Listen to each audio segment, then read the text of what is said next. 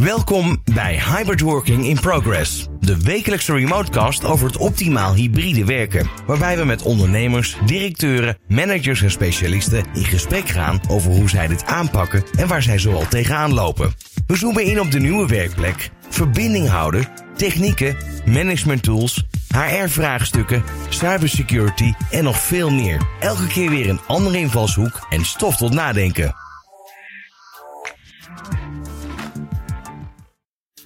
Dit is Hybrid Working in Progress met Mike Stern. Welkom bij deze nieuwe aflevering van Hybrid Working in Progress. Hoe gaan we met hybride en asynchroon werken om? Dat is in de afgelopen periode is daar al veel over te doen geweest, want remote working is here to stay. Maar waarom hebben nog veel bedrijven en organisaties het moeilijk met de implementatie? Wat werkt wel en wat niet en waar ligt dat aan? Daarover ga ik vandaag in gesprek met mijn gast. In de studio hebben we aan tafel Han Mester, sectorbanker zakelijke dienstverlening ABN AMRO. Welkom Han in de studio. Ja, dank je. Wat doet een sectorbanker binnen de ABN AMRO? Nou, dat is een goede vraag, Mike. Uh, wij zijn als bank zijn we, zeg maar, sectorkennisgewijs ingericht. Hè. Dus ik zit in een afdeling die heet sector expertise. En dan heb ik collega's in industrie en food en transportation. Zelf kijk ik naar de sector zakelijke dienstverlening. En wat we proberen is eigenlijk gewoon onze accountmanagers die in het land met gesprekken uh, natuurlijk uh, rondgaan om die zoveel mogelijk te voeden met de juiste onderwerpen. Dus we proberen als bank uh, de commercie een beetje weg te trekken van de productenkant, hè, leningen, financiering, maar veel meer om ze strategisch uh, gesprekspartner te maken.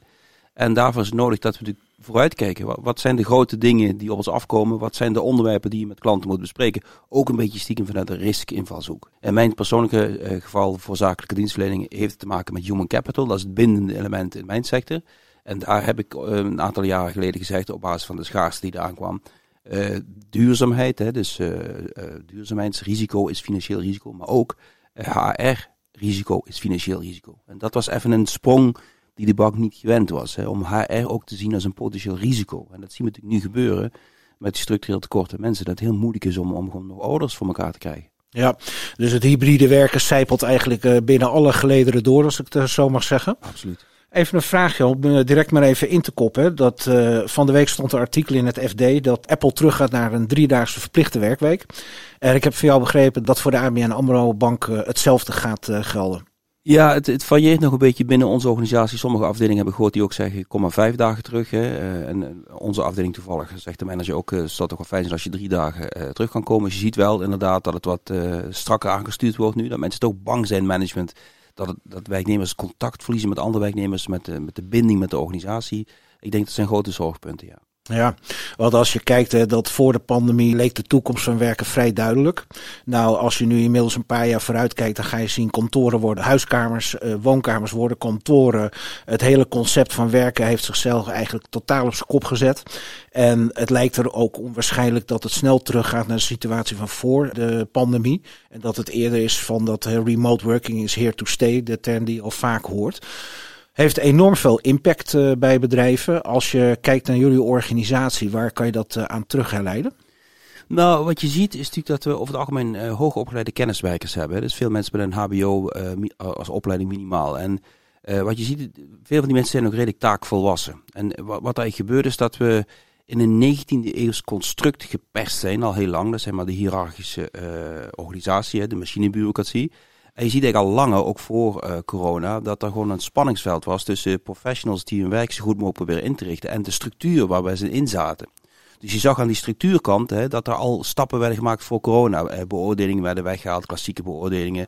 Eh, er werd meer op output gestuurd. Hè. Maar corona heeft het eigenlijk onder druk versneld. En een van de belangrijkste zeg maar, dingen die we, die we geleerd hebben en waar we aan positief en, uh, effect van hebben ondervonden, is het feit uh, dat uh, nou beoordelen op basis van output is standaard geworden. Ik heb nog de tijd meegemaakt dat er niemand vrijdagmiddag kantoor was, dat een manager binnenkwam en in de agenda keek. Waar zijn die mensen? Wat zijn ze allemaal aan het doen? Hè? vanuit die controlefocus. Ja. ja. dat stuk hebben we al gewonnen.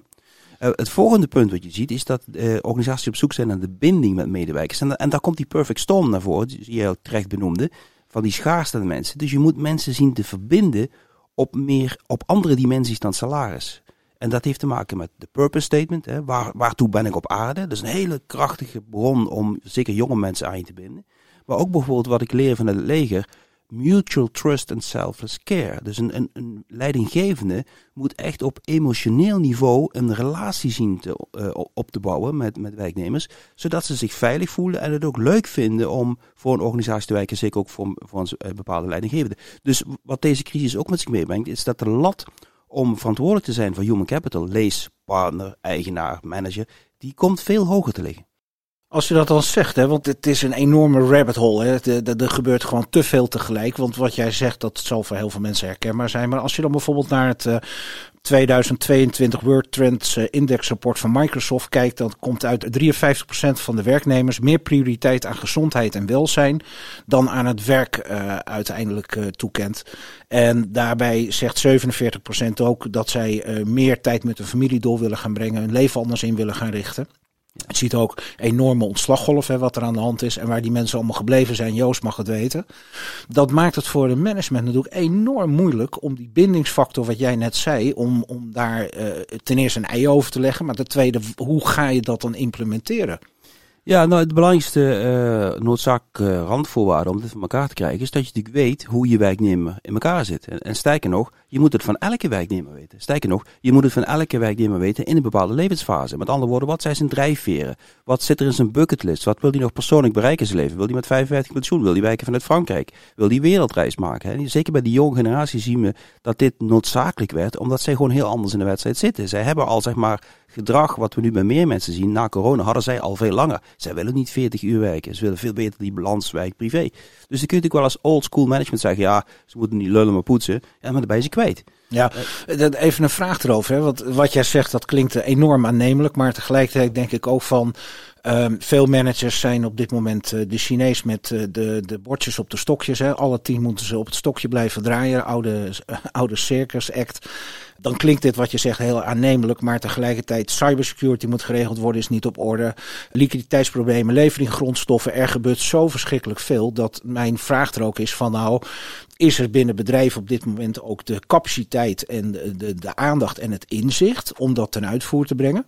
Mooi voorbeeld daarvan is uh, tijdens de laatste Remote Working Summit gaf je aan dat er een enorme kloof aan het ontstaan is tussen de jonge en de oudere generatie. Op de werkvloer, hè? dus de communicatie op de werkvloer, uh, online, maakt niet uit. Waar zit dat hem in? Wat, wat kunnen bedrijven doen om wat jij net zei, om die verbinding dan wel tot stand te brengen en zeker nog te houden, ook gezien het eisenpakket wat de jonge medewerkers op dit moment hebben? Ja, dat is een heel goed punt. Dus je ziet ook tal van sectoren, defensie, politie, onderwijs, hè, waar een enorme uitstroom gaat plaatsvinden van de babyboomers, hè, een beetje mijn generatie X, kijk, en de generatie X. Uh, uh, en wat je dus ziet is bijvoorbeeld in onze uh, operations IT onderdeel van de bank, hè, dat we die generatieproblemen ervaren. jonge programmeurs die binnenkomen, ook heel ervaren mensen die nog verstand hebben van AS 400 systemen. Wie kent ze niet? Hè?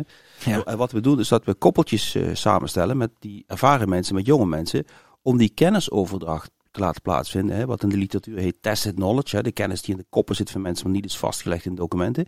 En je ziet dat dat buddy systeem hartstikke goed werkt. Dus dat kan ik best wel als een soort van best practice uh, adviseren.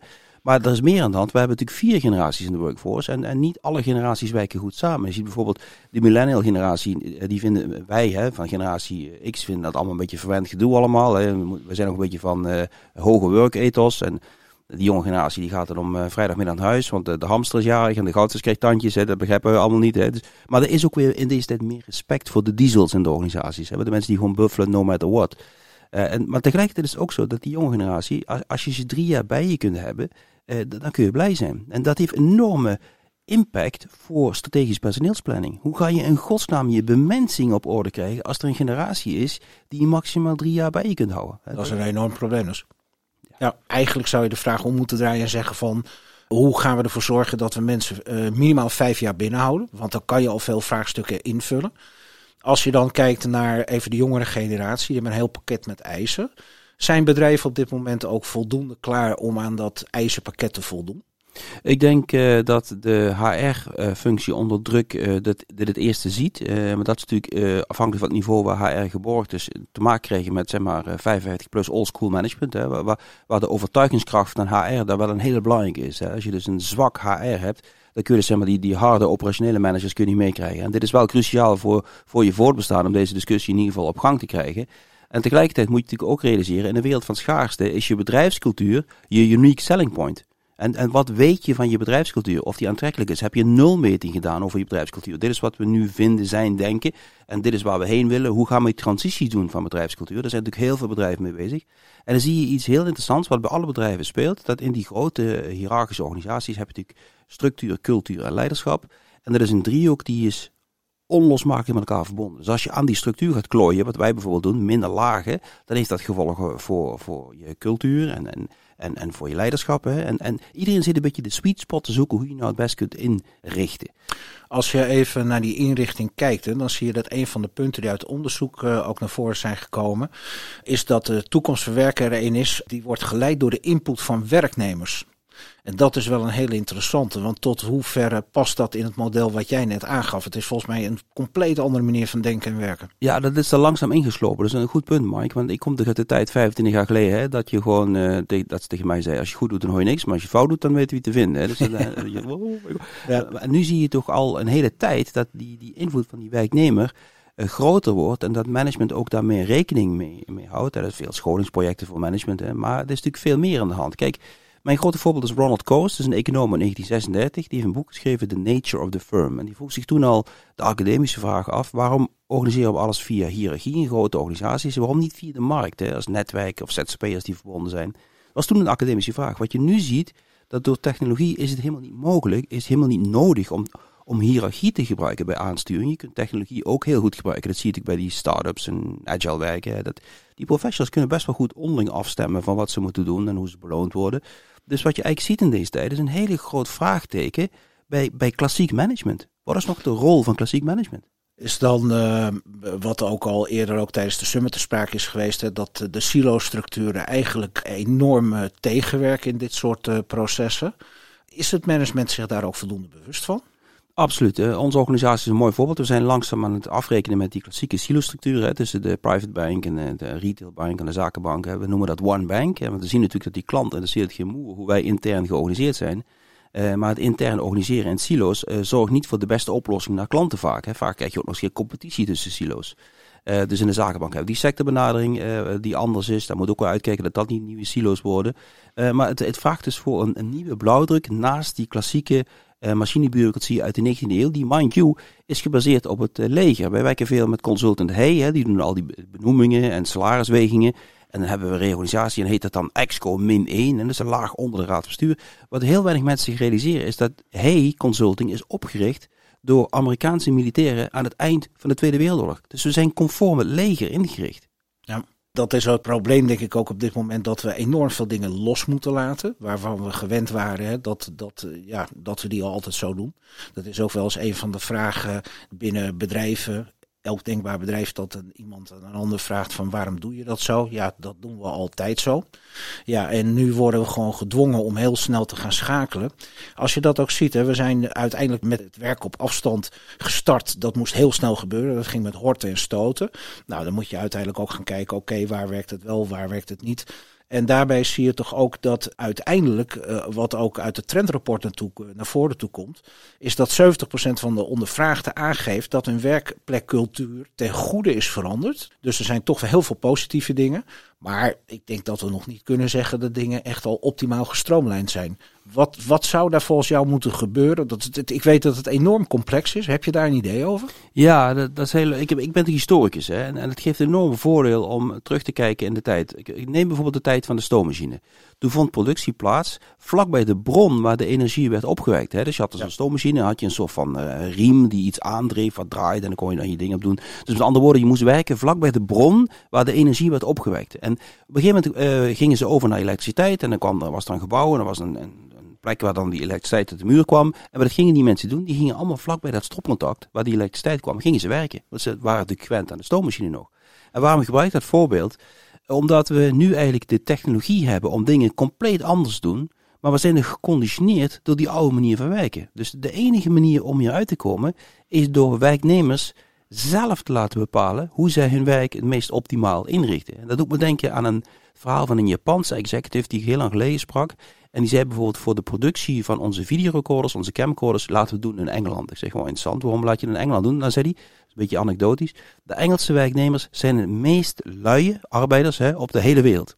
En als ze dus op een lopende band zitten en ze moeten daar allemaal componenten in elkaar zetten, dan zoeken ze heel snel uit wat het minste energie kost om die uh, productiewerkzaamheden te doen. En daarom laten we daar. Mooi voorbeeld. Ja, en, en, dat is nou exact de intelligentie die je nodig hebt in deze tijd. Laat mensen zelf het inrichten hoe, hoe ze hun werk eh, doen. Ja, ontzettend gaaf voorbeeld. Dat, is wel even, dat zet wel even het denken inderdaad.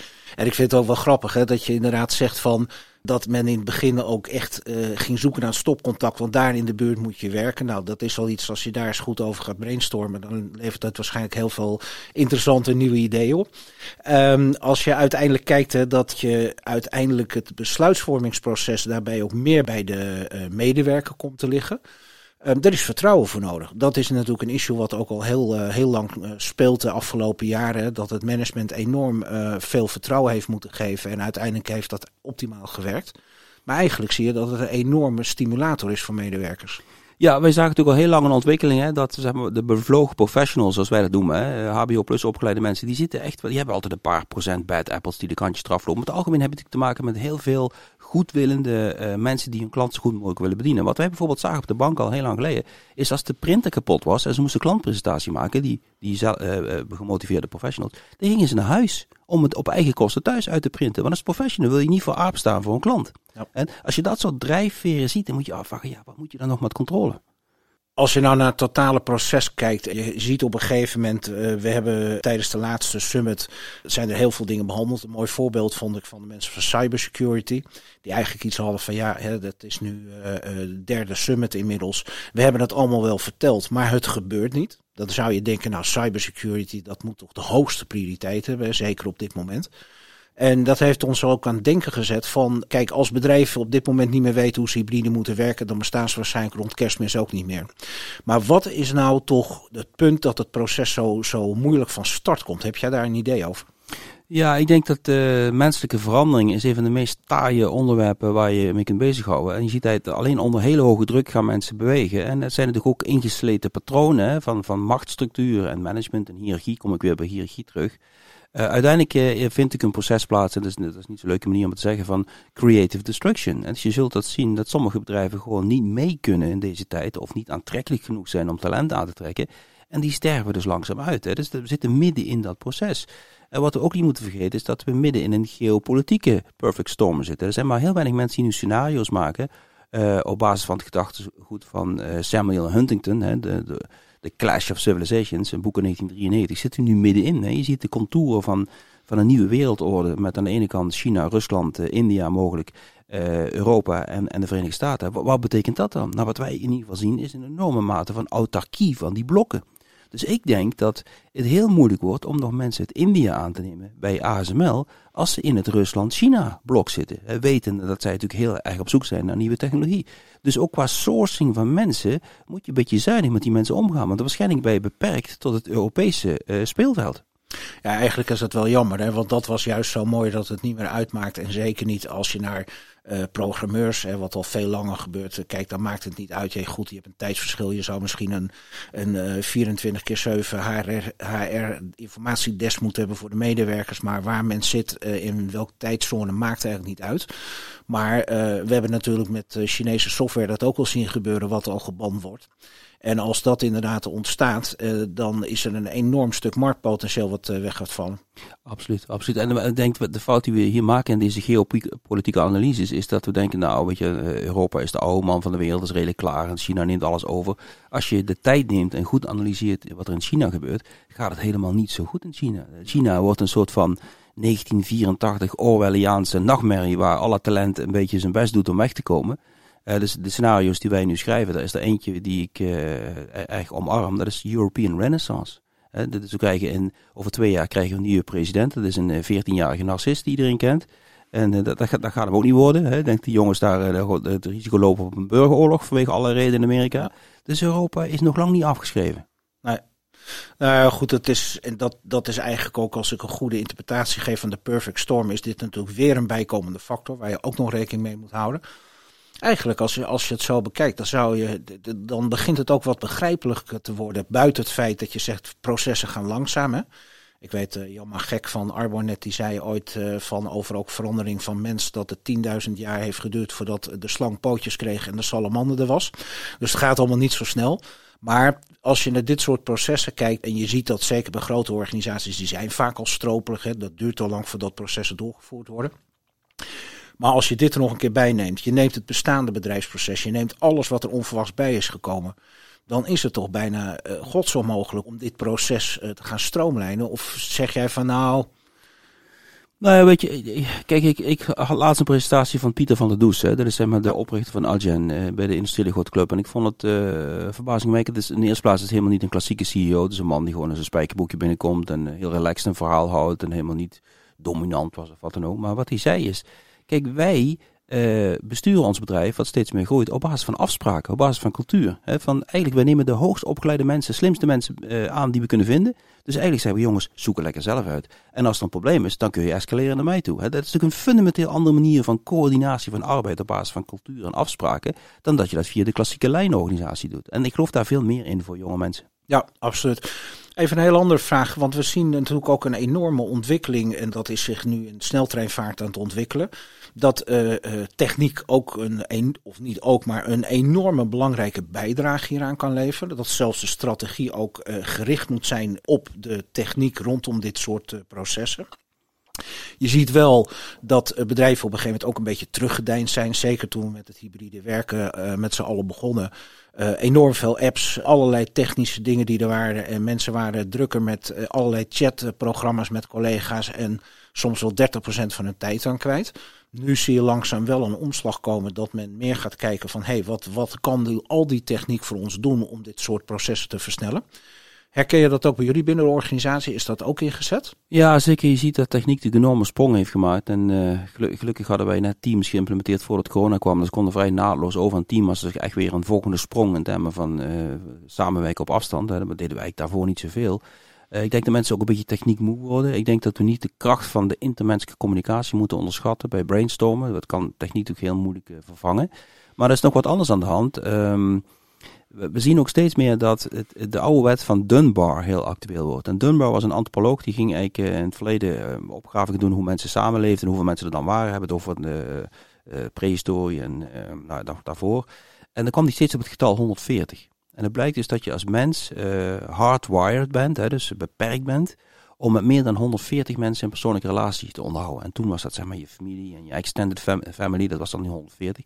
We zien bij de jonge generatie dat ze ook op zoek zijn naar die menselijke maat, naar die mate van verbinding. En dat is volgens mij een heel belangrijke reden dat als we nadenken over de organisatie van werk en ook zeg maar de, de randvoorwaarden van technologie die dat ondersteunen, dan kom je bij dat soort aantallen uit. Als boven de 140 wordt, wordt het zeg maar wat anoniemer. Hè? Wat Weber zei, uh, disconnected. Hè? En, en ik denk dus de blauwdruk van de nieuwe wijken zit hem veel meer in, noem het cellen, noem het eenheden, noem het bedrijven, noem het fluide bedrijven van maximaal 140 man. Waarbij de technologie natuurlijk ook veel beter en effectiever ingezet kan worden. Het is juist bij die hele grote organisaties dat je al die uh, nadelen krijgt van de verschillende technologische oplossingen. Ja, de, als je die 140 zegt, hè, want dan zit ik even te denken, als ik naar een uh, gemiddelde organisatie kijk, dan kan ik me niet voorstellen dat een afdeling, maar misschien vergis ik me, uit, uit meer dan 140 mensen bestaat. Dat dat allemaal wel gesegmenteerd is. Hè. Net zoals dat een stad heeft, elke deel van een stad is eigenlijk een op zichzelf staand dorp. En dat zal je binnen jullie organisatie ook hebben, dat dat toch dorpjes, ja, ik weet niet of een goede uitdrukking en misschien jullie andere term daarvoor, maar een, een soort community op zichzelf is. Ja. Daar zou je denk ik niet zo snel boven de 140 uitkomen, toch? Nee, dat klopt. Dat is wel een leuk punt wat je zegt. Want als je van de afstand kijkt wat er gebeurt, hè, dan maakten wij al heel lang een onderscheid bijvoorbeeld tussen run the bank en change the bank. En run the bank is zeg maar het operationele stuk van de bank, hè, betalingsverkeer, financiering. Je ziet eigenlijk dat automatisering daar heel hard gaat.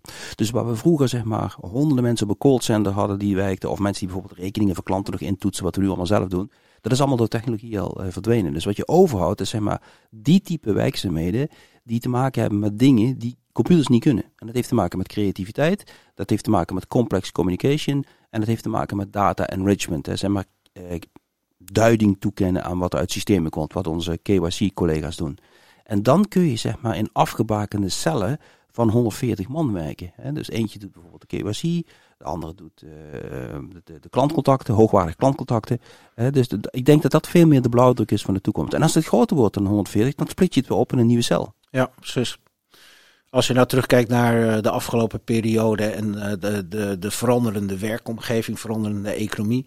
Wat is voor jou zelf de grootste wijziging geweest waar je jezelf aan voor klaar hebt moeten stomen of tegen, weerstand tegen hebt gehad of moeilijk was? kan je dat iets over vertellen? Ja, dat is voor mij toch heel duidelijk als historicus de crisis in de Oekraïne, waarbij ik mezelf kwalijk nam dat ik het niet, niet heb zien aankomen. En ik, ik sta eigenlijk toch heel opgewonden als mijn bedje, want als historicus is sinds de Tweede Wereldoorlog niet zo'n spannende tijd, nu ook zeg maar militair strategisch. Hè. En ik denk dat we nog zwaar onderschatten uh, de escalatierisico's die daarmee gepaard gaan en met de uh, Oekraïne-crisis. Dan heb ik niet alleen over nucleair, maar ook zeg maar frozen warfare, dat het heel lang gaat duren. En alle menselijke ellende die uh, komt kijken. ik, had, ik had er niet verwacht in onze achtertuin. Maar de effecten en de gevolgen van, van die crisis zijn, zijn enorm. Hè. Dus eigenlijk is Rusland gewoon uitgespeeld als partner voor het Westen. Uh, je ziet geopolitieke uh, politieke verschuivingen waar ik net over heb gehad, hè, die, die machtsblokken. Dus het wordt echt wel een andere wereld. Ik denk, denk alleen maar bijvoorbeeld aan peak globalization. Hè. Je ziet nu al een hele tijd dat waardeketens onder druk staan, ook door productie in China problemen uh, op basis van corona. Dus, dus, mensen gaan weer nadenken, hoe kan ik mijn eigen boontjes doppen? En de EU is een mooi voorbeeld. We hebben een policy binnen de EU, waarbij we proberen minder afhankelijk van Taiwan te, raken op het gebied van chips. We willen zoveel procent gewoon binnen Europa eh, aan chips zelf kunnen produceren. Nou, dat geldt ook voor al die blokken. De Verenigde Staten is daarmee bezig, eh, China zeker met grondstoffen. Wordt een andere wereld. Nou, heb ik wel een hele mooie vraag gegeven tot slot, Ron. Want uh, hoe ziet voor jou de, de nieuwe economie er volgens jou over vijf jaar uit? Heb je in het kader van wat je net vertelt, je kan natuurlijk een hele hoop scenario's. We, hebben, we kunnen een doemscenario bedenken. We zouden ook kunnen bedenken van ja, wat, wat zou er allemaal positief kunnen veranderen? Ik denk overigens wel van wat jij net zei, dat een hele hoop mensen, dat zie je ook, hè, het is, eh, de, eh, Oekraïne is een beetje uit, uh, uit het nieuws aan het vervagen. We willen het misschien ook niet erbij hebben op ons bordje op dit moment, dat is ook niet ondenkbaar. Maar als je de, naar de ontwikkelingen kijkt en uh, tot nu toe is de wereld nog altijd blijven bestaan, zeg ik dan maar. Hoe denk je dat over vijf jaar de, de wereld en de economie eruit ziet? Ja, nou ik heb daar wel een heel sterk beeld bij. Kijk, een van mijn favoriete cartoons is dat je archeologen in opgravingen doen en dan vinden ze iets wat wij zeg maar als cubicle zouden omschrijven. Zo'n zo'n klassieke Amerikaanse wijkplek waar je ingebed zit met muurtjes. Ja. En dat is dan ver in de toekomst. En ze hebben geen idee wat ze daar vinden. Ik denk, wat zou dat toch geweest zijn dat, uh, wat daar in plaats vond. En ik denk dat is een mooie metafoor. Dus ik zeg ook wel eens, we moeten allemaal een beetje meer Limburger worden. Kijk, dat systeem van lokaal je dingetjes doen op basis van menselijke relaties, eh, netwerken, dat is natuurlijk al duizenden jaren oud. Dat is veel ouder dan zeg maar, wat we nu gebruiken op basis van de industriële revolutie, dat massale grote aantallen aansturen op basis van winstbejag. Dus wat ik, wat ik zie, is de belangrijkste constatering, is dat in deze tijd is winst een van de belangrijkste dingen die bedrijven moeten genereren. En daarna heb je nog people en planet. Hè. Maar dat is een beetje ondergesneeuwd bij die grote bedrijven. Dat is een beetje uh, window dressing. Wat je ziet is dat je maatschappelijke impact zal belangrijker worden dan winstgeneratie. Uiteindelijk moet je wel winst genereren, maar je maatschappelijke impact wordt veel belangrijker. Dat is één. Het tweede is dat uh, de, de, de schaal van bedrijven wordt ook kleiner. Hebben we net over gehad. Hè? Dus je krijgt veel meer uh, soort van band of brothers-achtige uh, bedrijven. Een hele sterke culturele identiteit die, die ook mensen aantrekt. En het derde is dat de sourcing zal veel meer lokaal gebeuren. We gaan echt niet meer uh, Chinese bad eentjes in containers bestellen uit China uh, bij, de, bij de Action. Uh, we gaan echt gewoon echt minder economische groei krijgen, maar wel in een, een, meer jaren 50-achtige menselijke maatorganisatie en werk. Dat is eigenlijk, uh, zou je dan kunnen zeggen, dat we weer terug zijn bij de machine dicht bij het stopcontact zetten. Zeg ik dat goed? Ja, misschien wel. Ja, ja, nou ja goed, het zijn natuurlijk allemaal leerprocessen. En uh, uh, ik denk dat in jouw werk ook wel heel erg interessant is. Want jullie zijn toch wel een partij die echt voor in de markt zit als dit soort ontwikkelingen gaat. Ja. En ik kan me ook nog wel herinneren dat je volgens mij eens een keer gezegd van nou als bank hè, waar we gewend dat we hadden, voorheen hadden we scenario A, B en C. En nu loopt het uh, van A tot en met KLM uh, door, uh, bij wijze van spreken, om alles wat er ook maar kan gebeuren, om daarop bij te sturen. En vandaar dat ik ook de vraag stelde, inderdaad, van nou, hoe denk je dat, hoe denk je dat, dat eruit ziet? En als je op die manier zou kijken, wat, wat zou jij tot slot het management Nederland nog als tip mee willen geven?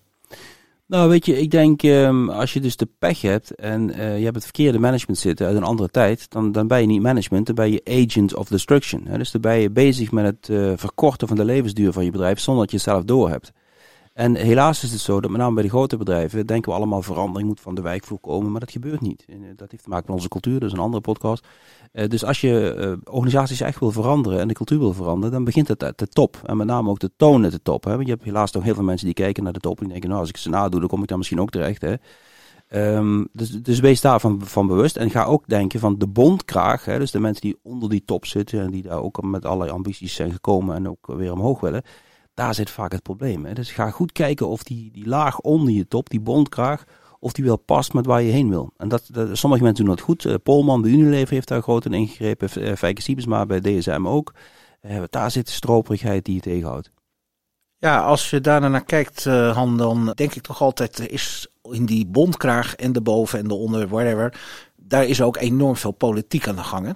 Is dat niet een ontzettende rem? Ja, het kan waarschijnlijk niet anders, maar dat remt natuurlijk ook enorm. Zeker, zeker. En het is gewoon een institutioneel probleem. Het heeft niet zoveel te maken met sector, het heeft te maken met de manier van inrichting. Vandaar dat ik zo fel reageer op die klassieke machinebureaucratie, waar je al dit soort uitwassen, de, het agent, principaal agentprobleem, zoals Williamson dat ooit uh, zei, dat managers toch vaak beslissingen doen die goed zijn voor onszelf, maar niet eigenlijk voor de aandeelhouder waar het voor bedoeld is. Dat hele spul, dat moet op de helling. En je ziet eigenlijk nu in, dat we in een tijd zitten waarin die klassieke machinebureaucratie met al die negatieve uitwassen, die is gewoon klaar. Ja. Dat weten ze zelf nog niet, maar het is gewoon over dat komt waarschijnlijk vanzelf al naar boven terecht. Ja. Kort samengevat, uh, Han, valt dus nog veel te leren en eh, te ontdekken met elkaar. Ik zou zeggen, hartelijk dank voor jouw bijdrage en uh, komst naar de studio toe. En wij zien jou heel graag weer tijdens de Live Summit op 1 november. Dankjewel. Dank Mike. Fijn dat je was.